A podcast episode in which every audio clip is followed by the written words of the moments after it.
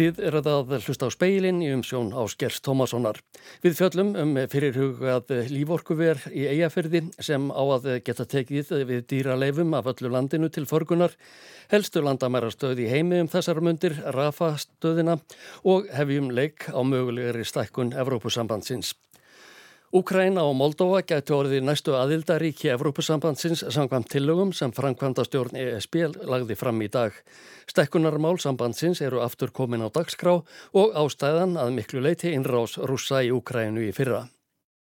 Friends, welcome to the European Union. Dobro došli u Europsku uniju. Thank you. Það eru tíu ár síðan nýjasta aðeldareiki Európa-sambandsins Kroatia bættist í hópin. Þetta var 1. júli 2013 í Zagreb, höfuborg Kroatíu, þegar José Manuel Barroso, þávarandi fósetti framkvæmdastjórnar ESB, bauð Kroata velkomna í hópin. Þá voru liðin sex ár frá því Búlgaria og Rúmaníja fengu aðild og næstum áratögur frá stóru stekkuninni árið 2004 þegar tíu ríki komist inn í klúpin en síðan 2013 hefur aðteklinn beinst frá stekkun og frekar að fækkun sem gerðist auðvitað eftir þjóðratkvæðagriðsluna í Breitlandi og með Brexit útgöngu breyta árið 2020. Stekkunumál eru svo sem alltaf á dagskráni þannig séð en frekar neðarlega undan farin ár. Það er um það byrj áratugur síðan Serbíja, Svartfættaland, Norður Makedónia og Albaníja sóttu fyrstum aðvild að Evrópussambandinu svo ekki sé minnst á Tyrkland sem sóttu fyrstum aðvild 1999 en hefur einlega verið í skammakróknum allavega hvað var þar aðvildaveiraður síðan 2018. En núna er þessi mál komin á ottin aftur hjá Evrópusambandinum og ekki aðeins stækkun, heldur líka breytingar á skipulagi sambandsins sem taldar eru nöðsynlegar eigi að fjölga aðeldaríkjum Evrópusambandsins um alltaf tíu. Það er allavega listin sem núna likur fyrir. Ástæðan er í sjálfu sér einföld innrás rúsa í Úkrænu sem hefur orðið til þess að leðtóar ESB og aðeldaríkjana hafa endur með til stöðuna og komist að því að stekkun sé nöðsynleg ekki aðeins út frá sjónamiðum öryggismála heldur líka til að viðhalda og byggja áfram upp stöðu Európusambandsins í alþjóða samfélaginu. Dimitri Kuleba, utarrikisráð þeirra Úkrænu, var spurður um þetta á ráðstöfnu um stekkunamál í Berlín í síðustu viku. Hann svaraði til að ESB hafi rekistefnu sem byggði á því að viðhalda óbrettu ástandi og bregðast við í stað þess að sína frumkvæði. En hann sagði líka að viðbröð ESB við innrás og rúsa hafi leittaði ljós að sambandi geti gert miklu meira. Traditionally, the European Union has been implementing a policy of what I call maintain status quo and react. I think that the reaction of the European Union and the way the European Union handled the Russian aggression against Ukraine since last February taught the Union a lot, and the European Union showed that it can do much more. So we have to move from maintain status quo and react to shape status quo and be proactive. Aðeins nokkrum dögum eftir innrás rússa sótt í Úkræna um aðeld að Európa-sambandinu og leðtóafundi í júni í fyrra fekk það stöðu umsokna ríkis með skilurðum þó um að vinna þyrti að endurbótum á margvíslegum þáttum í stjórnkerfi landsins. Á fjölsóttum bladamannafundi í Berlin-móbyggingunni hér í Brusseli í morgun kom svo í ljósa að þessi vinna hefði borðið árangur. Úrsula von der Leyen, núverandi fósetti framkvæmda stjórnarinnar, vitnaði til þess að í dag væru tíu ár liðin síðan mótmælinn hófust í Kiev gegn þáverandi valdhöfum. Mótmæli sem á endanum leittu til þess að ný stjórn tók við völdum. Úkraina snýri sér í vesturátt og rússar fóru, fyrst leint og svo ljóst að herja á landið. Today is a historic day because today the Commission recommends that the Council opens accession negotiations with Ukraine. Framkvæmtastjórnin leggur sem sagt til að aðeldaveriðar hefjist, sagði von der Leyen, ekki aðeins við Úkrænu heldur líka við Moldófu, litla ríkið milli Úkrænu og Rúmeníu sem þráur að heitast að verða hluti af EFSB. En þetta voru ekki einu ríkin sem von der Leyen myndist á í morgun. The Commission also recommends the opening of EU accession negotiations with Bosnia and Herzegovina once the necessary degree of compliance with the membership criteria is achieved. And the Commission recommends that the Council grants Georgia the status of a candidate country on the understanding that certain reform steps are taken. Framkvæmda stjórnin leggur einnig til að hafi viðraði við Bosníu Hersigófinu þegar búið er að uppfylla ákveðin skilirði og að veita Georgíu stöðu umsóknaríkis sæði fóndilegin sömu leiðist þegar ákveðnar breytingar hafa verið gerðar. En hvað þá með hinríkin á Balkanskaganum sem sumkver hafa beðið ansi lengi? Þær viðræður ganga misvel ef svo má segja. Hægfara breytingar á stjórnarfari standa sumstæðar í veginum, annar stæðar gera deilur millir ríkjana þeim erfitt fyrir að komast áfram í þessu ferli.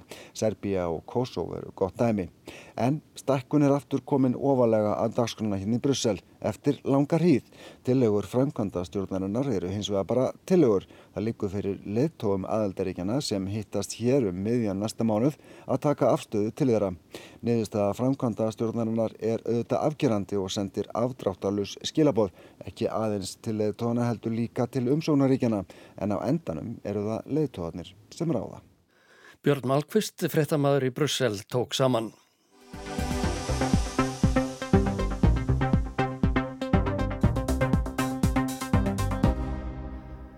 Hægt væri að taka á móti dýraleifum af öllu landinu til förgunar í líforkuveri sem fyrirhugað er að byggja norður í eigafyrði.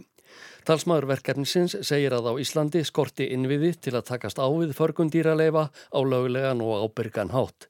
Íslenska ríkið hlautu dómi fyrra fyrir eftadómstólum fyrir að uppfylla ekki reglugerð um söpnun, móttöku og vinslu á dýraleifum. Verkefni um líforku garda í Disnesi við Eyjafjörð á sér langa sögu og byggist að miklu leiti á starfi Vistorku sem vann rannsókna á forvinu um ára bil. Nú er verkefnið alfari komið til samtaka sveitafélag og atvinnu þróunar á Norðurlandi Eistra þar sem Kristín Helga Sjutt er verkefnastjóri og þetta hefur svona einhvern veginn undið upp á sig undanferðin árin komið svona þungi í verkefni kannski síðastleginn tvö orð þar sem að hérna það er svo margar, margar hliðar á þessu þar sem að það þarf að leysa vanda fyrir sveitafélagin hvað var það lífrannan úrgang. Við erum að horfa á orkuskipti við erum að horfa á vanda sem að ríkistendur frammeferir og einhvern veginn þá púslast þessi mörg púsl saman þannig að það sagt, er áhugi fyrir því að svona getur reysið hér á okkur svæði Líforku ver er eitt þáttur í stóru myndinni sem Kristinn segir að gæti verið svar við vanda Íslands þegar að kemur að förgun á dýraleifum. Ísland skorti innviði til að takast á þetta á lögulegan og ábyrganhátt og einungi sé ein brennsla á landinu sem hafi starfsleifi til að brenna dýraleifar. Þess vegna sé stærstu luti dýraleifa urðaður í dag, ímist heima á bæjum eða á urðunastöðum með starfsleifi. Þrátt fyrir að slík urðun dýraleifa hafi verið ólögleg um ára byll. Ísland hefur verið dæmt af EFTA fyrir, eh, fyrir að vera ekki með söpnun, mótök og vinslu sem uppfyllir reglugjörð þegar kemur að dýraleifum. Eh, Dómurinn fjall í fyrra og, og, og það, e, það er bara mjög alvarlegt mál þannig að þetta er efni sem að rýður á að leysa útskjur hans fyrir mér þar sem við erum að tala um dýraleifar, í hverju fælst það? Já, þá hérna kannski er gott að byrja að tala um í hverju þetta fælst ekki, vegna þess að hér á landi þá er yfirleitt talað um að þessa, þessi, þetta efni, dýraleifar, dýraræ, áhættu úrgangur og sláturhúsum, að hann þurfi að brenna. Það er vissulega lögulega leið að brenna, e, það er enginn af okkur nágrunum sem að gera það í nágrunlandunum, heldur er þetta efni sérsagt unnið á, e, sérsagt, fyrir gegnum þrýstisræfingu, fyrir í gegnum ákveðna vinslu þar sem eftirstanda fita og kjötmjöl og þetta er e, það sem gert er allstaðar í, í kringum okkur. Nú hefur maður heyrt af e, það er e, áhættu flokkur 1, 2 og 3 til dæmis e, þegar kemur að svona úrgangi og dýra hræjum. Eitthvað þessu er, já, hvað er verst og hættulegast? Já og það er sérsagt kategóri 1 sem við erum fyrst og fremst að horfa á inn í þessa vinslu ásand hluta af kategóri 2 og það er rauninni já vest og hættulegast. Þetta, þetta, hérna, en það er sérst undir kategóri 1 falla til dæmis öll sjálfduð dýr á, á, á bæjum, það er að segja jórtudýr 18 mánuða og svo erum við líka að horfa þá til þessa efnis sem að eh, akkurat í dag við teljum að við þurfum að brenna eins og þegar uppkoma áföll eða smittsugtumar að það má allt fara í gegnum slíka vinslu og við náttúrulega stöndum bara ítrekkað frammi fyrir því því miður að hér koma upp eh, sjúkdómar sem að fela í sér að þarfa að skera niður heiluflokkana og það er erfitt að eiga við. Líforkuveri sem SSN er nú með á dagskrá geti tekið á móti öllum dýralegum á landinu í þeim áhættuflokkum sem Kristi nefnir. Því þyrti ekki nema einast líka vinslu á samt samræmdu söpnunarkerfi fyrir landið allt og þarna vísa Kristi til nágrann á okkar annar staðar á Norðlöndum.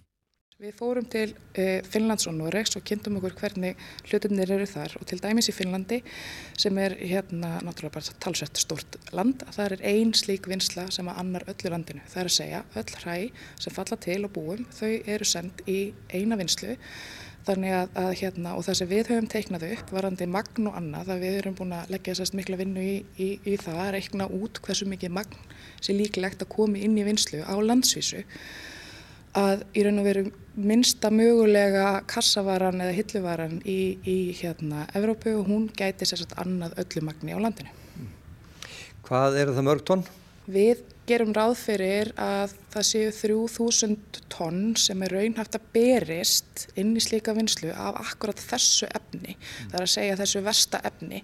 Eh, við náttúrulega gerum ráð fyrir því að sagt, efni sem er í lægri áhættuflokkum að það sé þá unnið inn í aðra, þess að það fari í aðra ferla. Þannig að 3000 tonn af þessu efni en hins vegar annar e, stöðin 10.000 tonnum sem að því er að hún getur vel ráði við slátu, sagt, e, toppa í slátutíð og ef að uppkoma áföll. Áformum líforku verið í eiginfyrðið meðan annars ætla að sína fram á að orkufreg brennsla með tilhærandi umhverjus áhrifum er ekki eina leiðin til að losna við dýralefur í áhættu flokkum. Þetta móti með ég vinna úr þessum efni við verðmættar afurðir.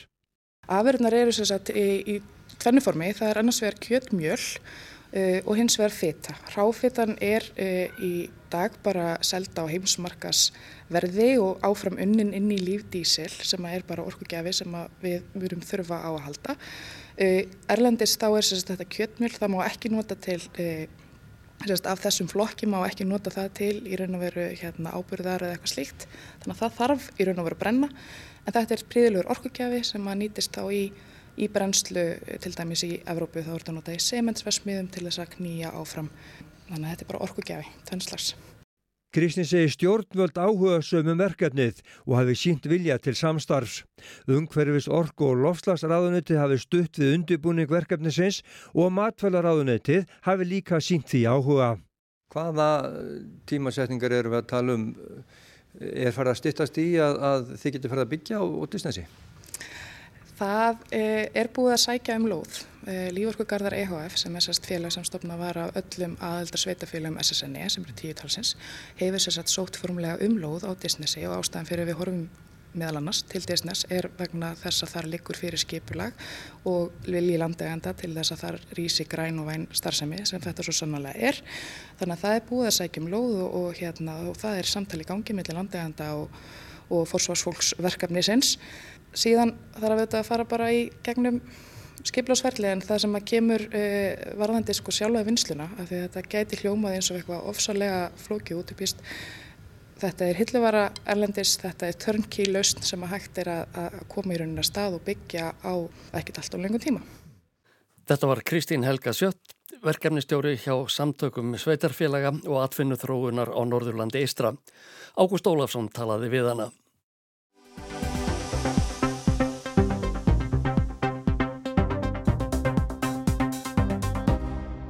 Daglega berast af því frettir að yfirvöldi Egiptalandi hafi heimilað svo og svo mörgum vörurflutningabílum með hjálpargögn að aka inn á gasasvæðið um Rafa landamærastöðina. Sumulegðis hafa nokkur hundruð útlendingar og fólk með tvöfalt ríkisfang fengið að fara um stöðina til Egiptalands á samt nokkur um gasabúum sem hafa sært alvarlega í árásum Ísraelska hersins. Líkast til ratar engin landamærastöð í heiminum oftar í frettirinnar en Rafa stöðin. Hún hefur verið nefndi lífilína gasabúa yfir til Egiptalands. Árum og jafnvel áratugum saman hefur verið sagt frá því að henni hafi verið lokað, hún opnuð aftur og svo lokað. Undir hana hafa verið grafin göng. Um þau hefur fólk smeglað sér yfir til Egiptalands og tilbaka með ímsanvarning, lífsnöðsynlegan jæmt sem ónöðsynlegan, svo sem vopn og skotfæri. Rafa landamærastöðin er undir eftirliti Egipta. Ísraelskir herrmenn í Kerem Shalom herstöðinni fylgjast og gömgjafilega með öllu sem þar gerist. Herstöðin er í nokkura kílometra fjarlagð á mótum Ísraels, Gaza og Egiptalands. Þaðan fylgist herrnámsliðið raunar með öllum umsvifum í suður hluta landslutans. Lorenzo Navone, félagsfræðingur við Háskólan í Strasburg, hefur sérhæft sig í átökum við landamæri og þá sérilagi millir Egiptalands og Gaza. Hann segir í viðtalið við franska ríkisútvarpið að fræðilega ættu palestinumenn og Egiptar að stýra landamærastöðinni í sammenningu en það sé Ísraels mönnum ekki þóknanlegt. Eftir að þeir lokuðu Gaza nánast alveg af frá árið 2007 hafi landamærin einungis verið opinn endrum og eins. Þau minna ekkert á hefðbundin landamæri og alls ekki á þessi ósýnilegu á sengensvæðinu eða meilli ríkja í bandaríkjónum. Þarna fer engin um á bílnum sínum hvernar sem er sólarhingsins alla daga vikunar, segir Navone. Í fyrra voru landamærin opinn undir ströngu eftir liti í 245 daga og í rúmlega 140 daga það sem afir þessu ári. Frá því að Ísraelsk stjórnvöld ákváðu árið 2007 að loka allri umferð til og frá Gaza, frá landi, sjó og í lofti hefur livskilirðum í landslutanum hrakað verulega. Þegar friður ykti íðaði landa merastöðin af lífi. Vörur voru fluttar þar yfir og fólk að ferðast til Egiptalands, heimsótt ættingjana og keftar helstu nöðsínavörur, eldsneiti, gas til matargerðar, liv og byggingarefni, svo nokkuð sé nefnt.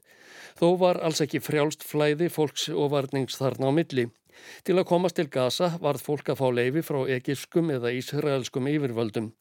Vildi fólk fara til Egiptalands frá Gaza um Rafa landamærastöðina var það að sækja um leifi hjá palestinskum yfirvöldum, það er Hamas, með nokkura vikna fyrirvara.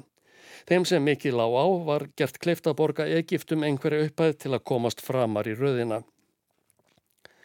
Samkvæmt úttækt starfsfólks á samhæfingar skrifstofu aðgerða saminuðu þjóðana í mannúðarmálum hefur vantað mikið upp á gangsægi í verklagsreglum og ákvörðunum yfirvalda, begja vegna landamærarna. Lorenzo Navone tekur undir þetta. Fólk hefur bara þurft að sitja og býða, jáfnvel í einn mánuð eða tvo, eftir því að komast yfir til Gaza. Síðan þarf það að býða lengi eftir því að komast aftur til Egiptalands. Þetta er langt og vita ómögulegt eh, ferli, segir hann. Navone kallar landamærin hreyfanleg þar sem þau hafa færst til í tímans rás vegna átaka á þessum slóðum, þar að meðal fyrsta stríðs Araba og Ísraels manna árið 1948, sexdagastriðsins árið 1967 og Jómkipur stríðsins árið 1973. Eftir sexdagastriðið herrtóku Ísraelsmenn sína í skagan og gasasvæðið. Það þýtti að landamærin lágu í raun og veru við súeskurðin, segir Navone. Ísraelsmenn skiluðu síðan sínaði skaganum árið 1982, þremur árum eftir að þeir undirrituðu fríðarsamning við Egipta. Öll vandamál vegna landamærarna komu upp eftir Óslóarsamkúmalagið árið 1993, segir Lorenzo Navone. Því var fagnat sem tímamótum í deilum þjóðana. Það opnaði leið fyrir að palestinumenn gáttu stopnað heimastjórn og fengu yfiráð yfir sínu svæði en Ísraelskir landtökumenn styrðu enþá gasasvæðinu svo að erfitt var að komast yfir landamærin til Egiptalands af öryggisástæðum, segir hann. Það var svo árið 2005 sem Ísraelsk stjórnvöld fóru með herlið sitt frá Gaza og heimastjórn Palestínu manna tók þar við. Kvekt var í samkunduhúsum gýðinga og íbúðarhús landtökumanna voru jöfnuð við jörðu. Árið síðar unnu Hamas samtökinn stórsigur í kostningum á heimastjórnarsvæðunum og tóku að áriliðinu við öllum yfirráðum á Gaza.